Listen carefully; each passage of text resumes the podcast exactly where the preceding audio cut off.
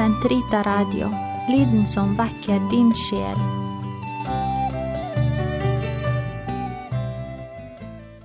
Skriftemålets absolutte hemmelighet, en krim. Pennedypping er vel og bra, men en ekte skrivemaskin er heller ikke å forakte. Den følgende novelle ble til som bidrag i en krimkonkurranse utlyst av et firma som produserte skrivemaskiner. Den som vant skulle få en ny maskin. Alle som tok del i konkurransen kunne kjøpe ny maskin til redusert pris. Til den siste kategorien hørte jeg. Men min krim kom inn i Adresseavisa den 29. desember 1984 som Ukens krim. Kanskje er den særlig aktuell i dag, da politiske myndigheter vil den absolutte hemmeligholdelse av skriftemålshemmeligheter til livs. Jan Skau gikk med raske, hissige skritt over den lange bybrua. Hendene holdt han knyttet i frakkelommene. Det skyldtes ikke bare høstregnet som drev innover byen fra den brede fjorden i nord. Det var den evige kranglingen med Henriette som gjorde ham så forbitret. Da de giftet seg for fem år siden, så Jan Skau fremtiden lyst i møte. Han falt ikke for henne fordi hun var pen, men på grunn av hennes glitrende vidd. Hun hadde en fantastisk evne til å komme med den rette replikk til riktig tid og på rett sted. Han var stolt over henne når han hadde henne med til representasjonsmiddager, hvor han som SOS-sjef for firmaet AS Stål var det selvskrevne midtpunkt. Når han nå forbannet sin skjebne som mann, skyldtes det minnene om alt som fulgte senere. Etter noen lykkelige måneder i den store blokkleiligheten på sydsiden av byelva tok Henriette til å forandre seg. Han hadde beundret henne for hennes vidd, nå vendte hun dette våpenet mot ham. Hun tutet ham ørene fulle med at han hadde sviktet henne som mann. Jan Skau tjente mye i firmaet, men ikke nok til å tilfredsstille Henriettes enorme behov for luksus. Derfor måtte han jobbe ekstra, kom stresset hjem om kvelden og seksuallivet var blitt en fiasko. Nådeløst gikk hun løs på ham. Hennes kvinnelige intuisjon fant svakheter i hans sinn. Med bitende ironi flenget hun skorpen av sår han trodde for lengst var grodd. Hun kalte ham en morsbundet mammadalt, en streber, en elendig oppkomling uten sans for høyere verdier i livet. Hun lot ham forstå at han var et tomt skall, en tufs, et null. Hvert ord traff ham som piskesnert, det verste var at han visste hun hadde rett. Jan Skau var nådd over til den andre siden av broen. Mellom de høye husrekkene spaknet vind, like fullt brant hat i ham. Det siste året hadde Henriette bedratt ham med menn fra den andre verden, akademikere fra universiteter som talte et språk han ikke forsto. Henriette var tydeligvis på bølgelengde med dem, ikke for det, han selv hadde også sine svinn på skogen. Når Henriette såret hans mannlige stolthet som verst, hadde han søkt trøst i tilfeldige forbindelser på det populære sjekkestedet Glade Olga. De halvgamle kvinnene lyttet villig til historien om hans bedrøvelige liv når han ga dem håp om litt sengemoro etterpå. Disse sidesprangene skjulte ham for sin kone, mest fordi han var redd for hennes bitende ironi. Annerledes var det med Henriette, hun bedro ham åpenlyst. Når han kom hjem fra jobben, nøt hun å fortelle hva hennes siste elsker hadde sagt og gjort. Hun skammet seg ikke over å fortelle om de mest intime detaljer, målet var tydeligvis å få ham til å forstå at andre mannfolk dugde der han selv sviktet. Tanken på skilsmisse hadde streifet ham, men var ikke det ensbetydende med total kapitulasjon? Henriette ville heller ikke ha skilsmisse, hun gjorde jo som hun ville i alt, forsynte seg bra av bankkontoen hans, og det virket som hun nøt å plage ham. De siste ukene hadde han begynt å fantasere om å ta livet av sin kone. Men hvordan? Jan Skau satte kursen mot glade Olga. Kanskje kunne han avreagere i kveld også.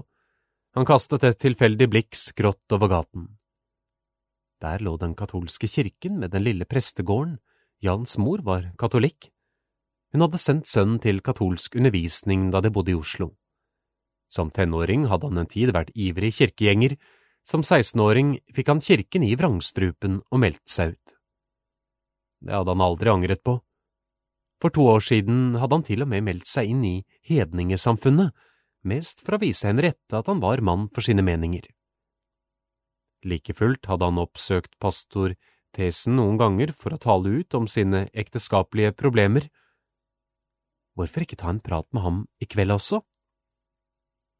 Han skrådde over gaten og gikk mot inngangsdøren. Da så han at det lyste fra prestens kontorvindu. Han listet seg bortover hellegangen langs husveggen og tittet inn gjennom vinduet. Han trodde ikke sine egne øyne. Der sto pastor Tesen med en revolver i hånden og siktet mot veggen. Hva skulle den fromme, litt naive pastoren med et slikt våpen? En vill tanke for gjennom hans forpinte sinn. Han forlot vinduet og gikk inn i kirken. Jan Skau hadde sett riktig. Pastor Thesen sto virkelig og tørrtrenet med sin nyanskaffede revolver Smith Wesson kaliber 22 under den tyske okkupasjonen hadde han som 18-åring flyktet til Sverige. Under soldatopplæring på Gottrøra hadde han spesialisert seg på pistolskyting.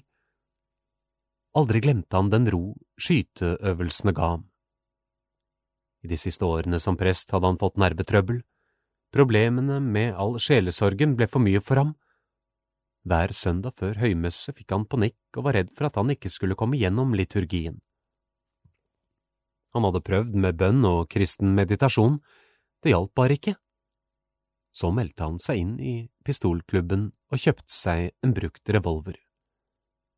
For syns skyld skaffet han seg også noen patroner, de interesserte ham mindre. Hadde aldri tenkt å bruke dem. Det var tørrtreningen han lengtet etter.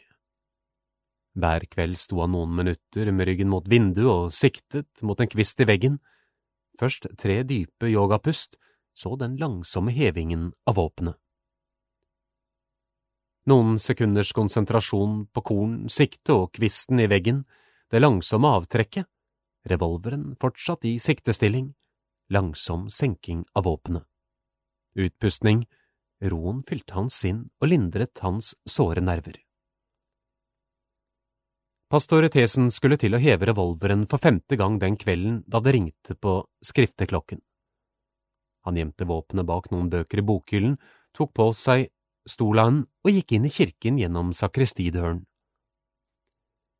Sin vane tro ba han først noen minutter foran alteret, gikk så inn i skriftestolen. En mørk skikkelse gled etter ham og gikk inn på den andre siden av gitteret. Presten hørte straks på stemmen hvem det var. Jan Skau skriftet først noen bastante synder. Han hadde gjort et lite underslag i firmaet, noen ganger hadde han vært utro mot sin kone. Den siste tiden hadde han kjempet mot fristelsen til å ta livet av henne. Med dette skriftemålet ønsket han å forsone seg med kirken. Pastor Thesen gledet seg over at den fortapte sønn vendte tilbake. Han talte varmt om Guds barmhjertighet, ila ham en bot og ga ham synsforlatelse. Da presten gikk ut av skriftestolen, kikket han på klokken, det var tid for aftenmesse. Jan Skau ble ikke igjen i kirken for å be sin takkebønn. Han skyndte seg ut av kirkedøren mens han mumlet innbitt. Der fikk jeg stoppet kjeften på Guds tjener. Pastor Thesen var den eneste som visste om hans ekteskapsproblemer. Fra sin tid som katolikk visste Skau at en prest aldri må røpe det som blir ham fortalt i skriftestolen. Straks han hadde lukket kirkedøren bak seg, snek han seg langs kirkeveggen, fant frem til prestens vindu. Haspene var på. Et annet vindu på sydsiden av bygningen sto på gløtt, det var en lett sak å smyge seg inn. Han visste veien til kontoret, lyset brant fortsatt der inne. Noen minutters leting og han fant revolveren i hyllen bak bøkene. Han grep våpenet med to fingre der kolben var riflet, og la det ned i en plastpose han fant i avfallskurven. Litt roting i øverste skrivebordsskuff ga nye resultater, mellom rosenkranser og kulepenner fant han ammunisjon. Han åpnet esken, tok ut tre patroner og la dem i plastlommen sammen med revolveren. Så smatt han ut av vinduet, smøg seg gjennom smale, folketomme gater frem til boligblokken hvor han og Henriette bodde. Først gikk han ned i kjellerboden, fant en rusten kniv, skar løs en knapp fra frakken, løsnet den sorte sytråden, løftet revolveren med to fingre fra plastposen, viklet den ene enden av sytråden rundt hanen, fikk med stort besvær ladet våpenet uten å berøre de deler av kolben og løpet hvor prestens fingeravtrykk satt. La så revolveren tilbake i posen, snek seg opp kjellertrappen og låste seg inn i leiligheten som lå i første etasje. Han var heldig. Henriette var hjemme. Med påtatt lystighet ropte han, Henriette, se hva jeg fikk av en forretningsforbindelse.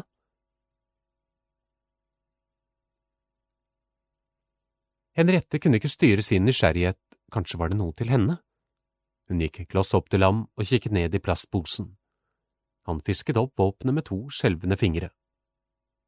Hun ville til å si at han ikke ble noe mer mannfolk i hennes øyne selv om han skaffet seg et slikt fallus-symbol. Denne siste sårede bemerkning fikk Henriette aldri fullført. Jan rettet revolveren mot henne og trakk i sytråden. Det første skuddet gikk i maven. Hun segnet. Nå sto han over henne. Det andre skuddet gikk i høyre skulder. Den tredje kulen boret seg inn i hjertet. Han ble stående noen sekunder og se på liket av sin kone. Det hele var så uvirkelig. Så løsnet han langsomt sytråden fra revolverhanen. Idet han skulle til å putte den i frakkelommen, ble han overrasket av et vilt fres fra huskatten Liss. Den kom hjem fra musejakt og hadde hoppet inn gjennom kjøkkenvinduet og instinktivt ant at noe forferdelig var skjedd med matmor. Den hoppet opp på Jan og klorte ham i leggen. Han fikk gitt den et velrettet spark så den for i veggen. I befippelsen mistet han tråden han holdt på, den falt til gulvet og ble glemt. Nå var det tid å handle. Han slengte mordvåpenet ut gjennom vinduet og inn i en tornhekk som var plantet noen meter fra husveggen. Han skulle til å forsvinne gjennom samme vindu selv, da hatets og vanviddets galgenhumor overvant ham. Henriette skulle sannelig ikke gå til himmel eller helvete uten den siste olje. Han styrtet ut på kjøkkenet, fant flasken med soyaolje, helte noen dråper på høyre tommeltott, gikk tilbake til liket, tegnet korsets tegn på hennes panne, mens han mumlet sakramentale ord som han mintes fra sin katolske periode. Etter denne makabre forestillingen hoppet han ut gjennom vinduet og listet seg ut på gaten. Høstregnet og Falcon Crest kom ham til hjelp. Folk satt inne og koste seg foran fjernsynet. Ubemerket nådde han glade Olga. To–tre kraftige drammer, og roen vendte tilbake. Han hadde begått det perfekte mord. Da han kom hjem i ett-tiden, sto to politibiler foran boligblokken. Alt var gått etter beregning. Naboer hadde hørt skuddene, det må ha tatt tid før de fant frem til den leiligheten hvor skuddene ble avfyrt, og enda lengre tid før de fikk brutt opp entrédøren. Konfrontert med sin kones død brøt Jan Skau fullstendig sammen. Slik så det i hvert fall ut for politifolkene. Alle avhør fikk vente, legevakten ble tilkalt, på regionsykehuset fikk han en rekke beroligende sprøyter. Han spilte sin rolle godt. Det tok ikke lang tid før kriminalpolitiet fant mordvåpenet i hekken utenfor huset. Nå var det en lett sak for politikammerets våpenavdeling å finne frem til eieren. I sekstiden om morgenen ringte det på døren til pastor Thesen. Hans første tanke var at et menneske i sjelenød søkte hans hjelp. Stor var hans forbauselse da han så to bredskuldrede politifolk i døråpningen. De spurte høflig om han eide en revolver Smith Wesson kaliber 22. Jo, det hadde han da. Om de kunne få se våpenet, det var det så visst ikke noe i veien for Han tok det med inn på kontoret og famlet bak bøkene.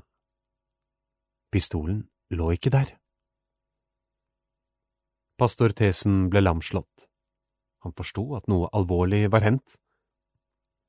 Fortsatt like høflig spurte politifolkene når han sist hadde skutt med våpenet.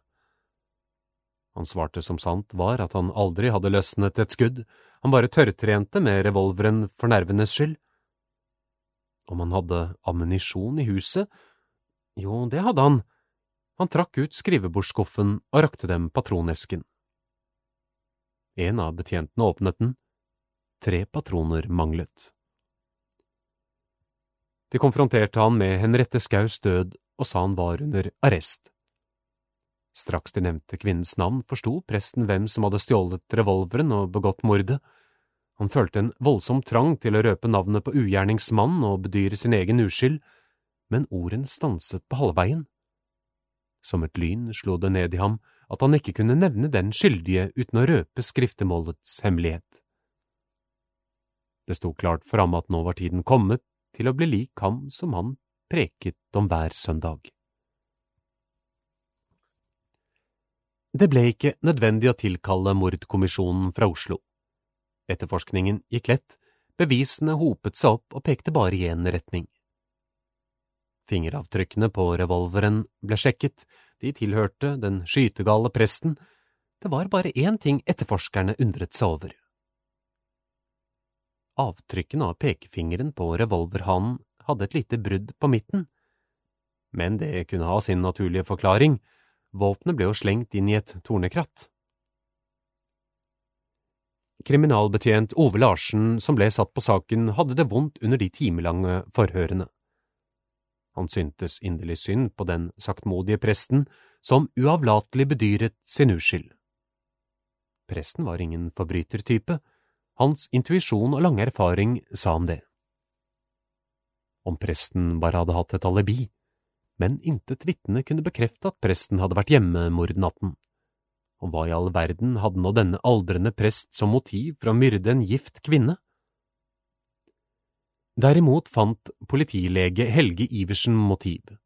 Etter noen innledende samtaler med arrestanten konsentrerte politilegen oppmerksomheten på revolveren. Hvorfor hadde presten anskaffet den?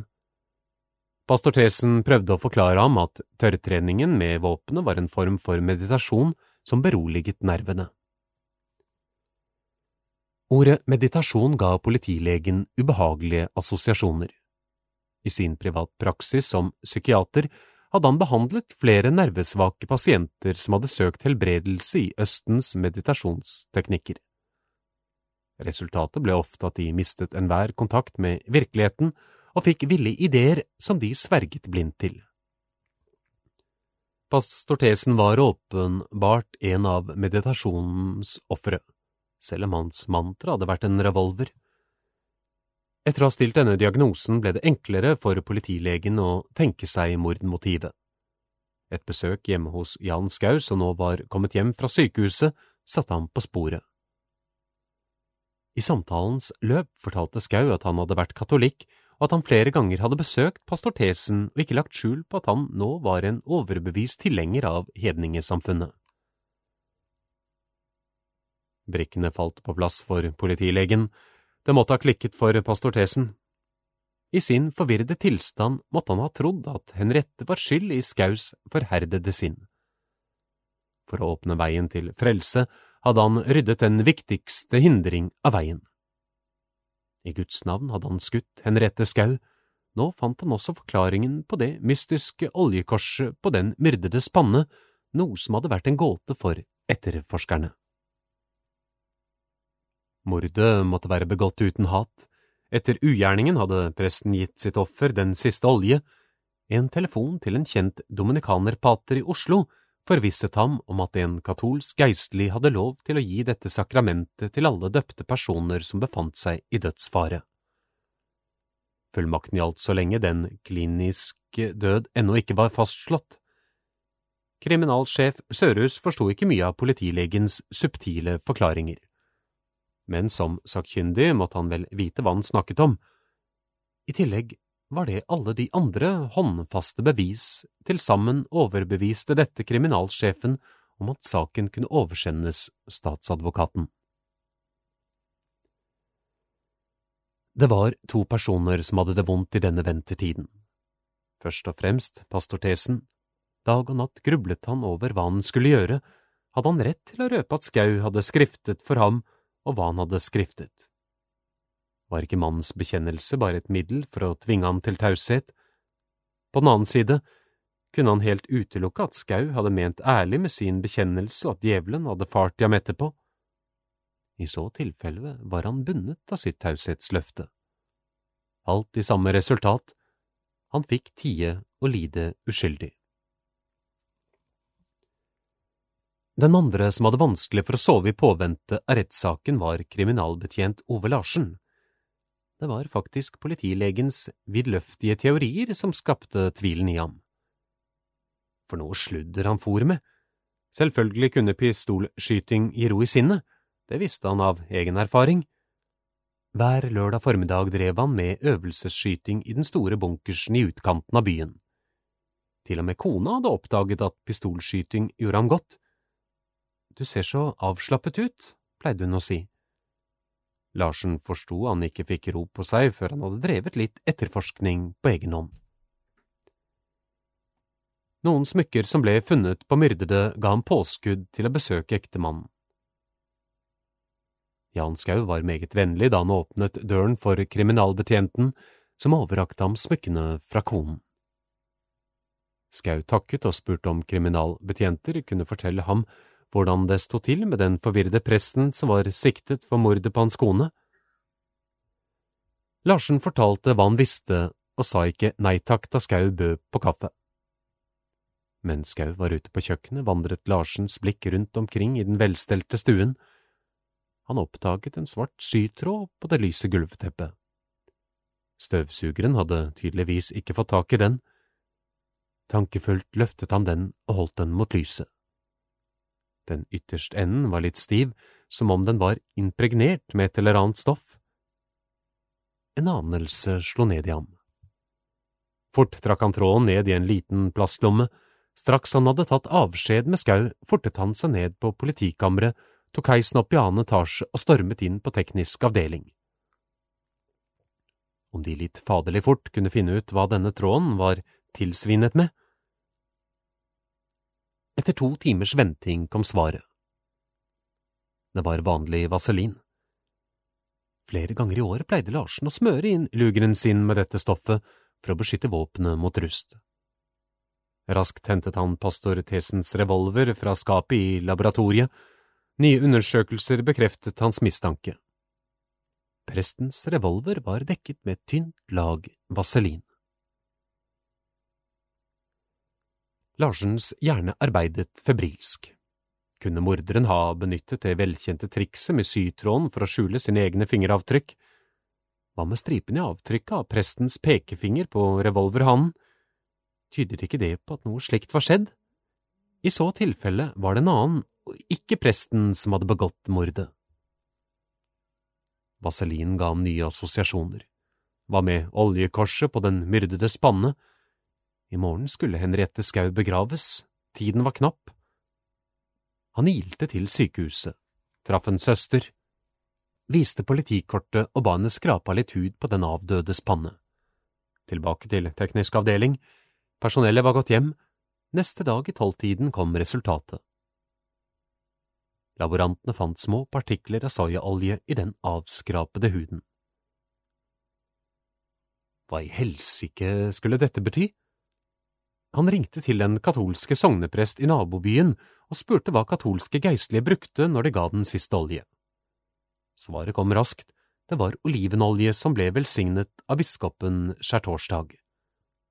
Saken ble mer og mer mystisk. Han var menneskekjenner nok til å vite at den fromme pastor Tesen aldri ville hente sine nådemidler fra et kjøkkenskap. Hans mistanke vendte seg langsomt mot en bestemt person som hadde vært katolikk siden sin barndom. Han tok til å skygge Jan Skau i fritiden. Det tok ham ikke lang tid å finne ut at han var en hyppig gjest på Glade Olga. Selv om Larsen ikke var noen storsjarmør, så kastet han seg ut i livet på restauranten.